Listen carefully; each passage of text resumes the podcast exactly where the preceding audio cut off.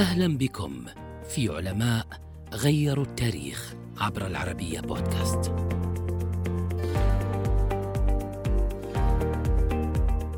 أحد أبرز علماء الذرة وتكنولوجيا النانو في العالم منير نايفه بروفيسور وعالم فلسطيني أمريكي في الذرة وأبحاث النانو.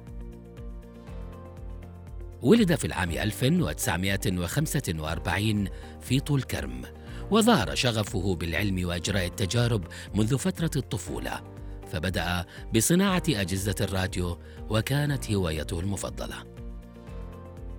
نال درجة البكالوريوس من الجامعة الأمريكية في بيروت ثم الماجستير في الفيزياء وحصل بعدها على منحة مقدمة من جامعة ستانفورد الأمريكية.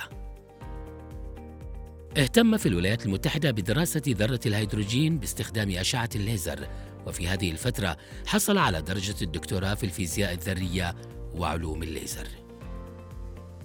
عمل باحثا فيزيائيا بمعامل أوجريج بجامعة كنتاكي ثم التحق بجامعة إلينوي ليحصل بعدها على جائزة البحث التصنيعي في الولايات المتحدة.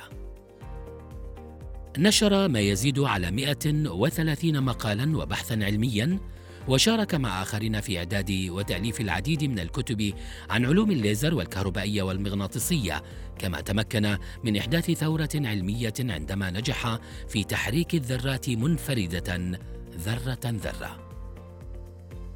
وأشار الكتاب السنوي الصادر عن الموسوعة البريطانية بريتانيكا إلى أن تقنية نايفة يمكنها زيادة كفاءة أداء الآلات ما بين 100 مليون وعشرة آلاف مليون مرة على الطرق التقليدية.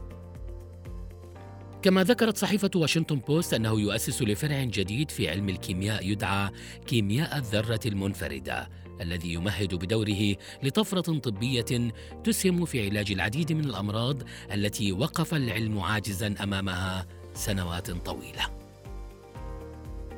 رأس شبكة العلماء والتكنولوجيين العرب في الخارج، كما أنه عضو في مجلس إدارة المؤسسة العربية للعلوم والتكنولوجيا.